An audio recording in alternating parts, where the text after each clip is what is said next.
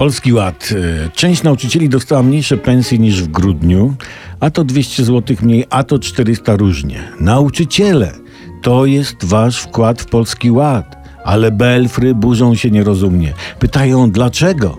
No odpowiedź można znaleźć w piosence pana Martyniuka. Cytuję, jak do tego doszło, nie wiem. E, narzekania, e, ja wiem, narzekania wynikają z niezrozumienia co do idei polskiego ładu tej nowej reformy. Polski ład jest dobrze pomyślany, on ma zabrać więcej niż daje. No, te mniejsze pensje nauczycieli to i tak niewielka, wręcz mała cena za na przykład Sylwestra Marzeń. Nauczyciele mogli sobie przecież za darmo posłuchać wykonawcę amerykańskiego Derula, jak śpiewa o, e, o miłości cielesnej, ilustrując to dedykowaną choreografią w wypasionej scenografii, prawda?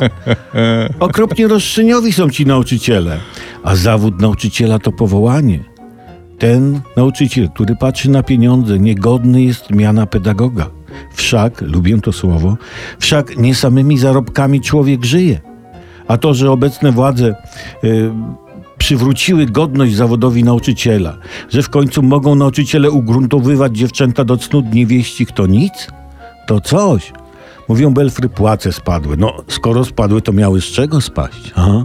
Ale czy rzeczywiście spadły? Policzmy to metodą ekonomistów rządowych.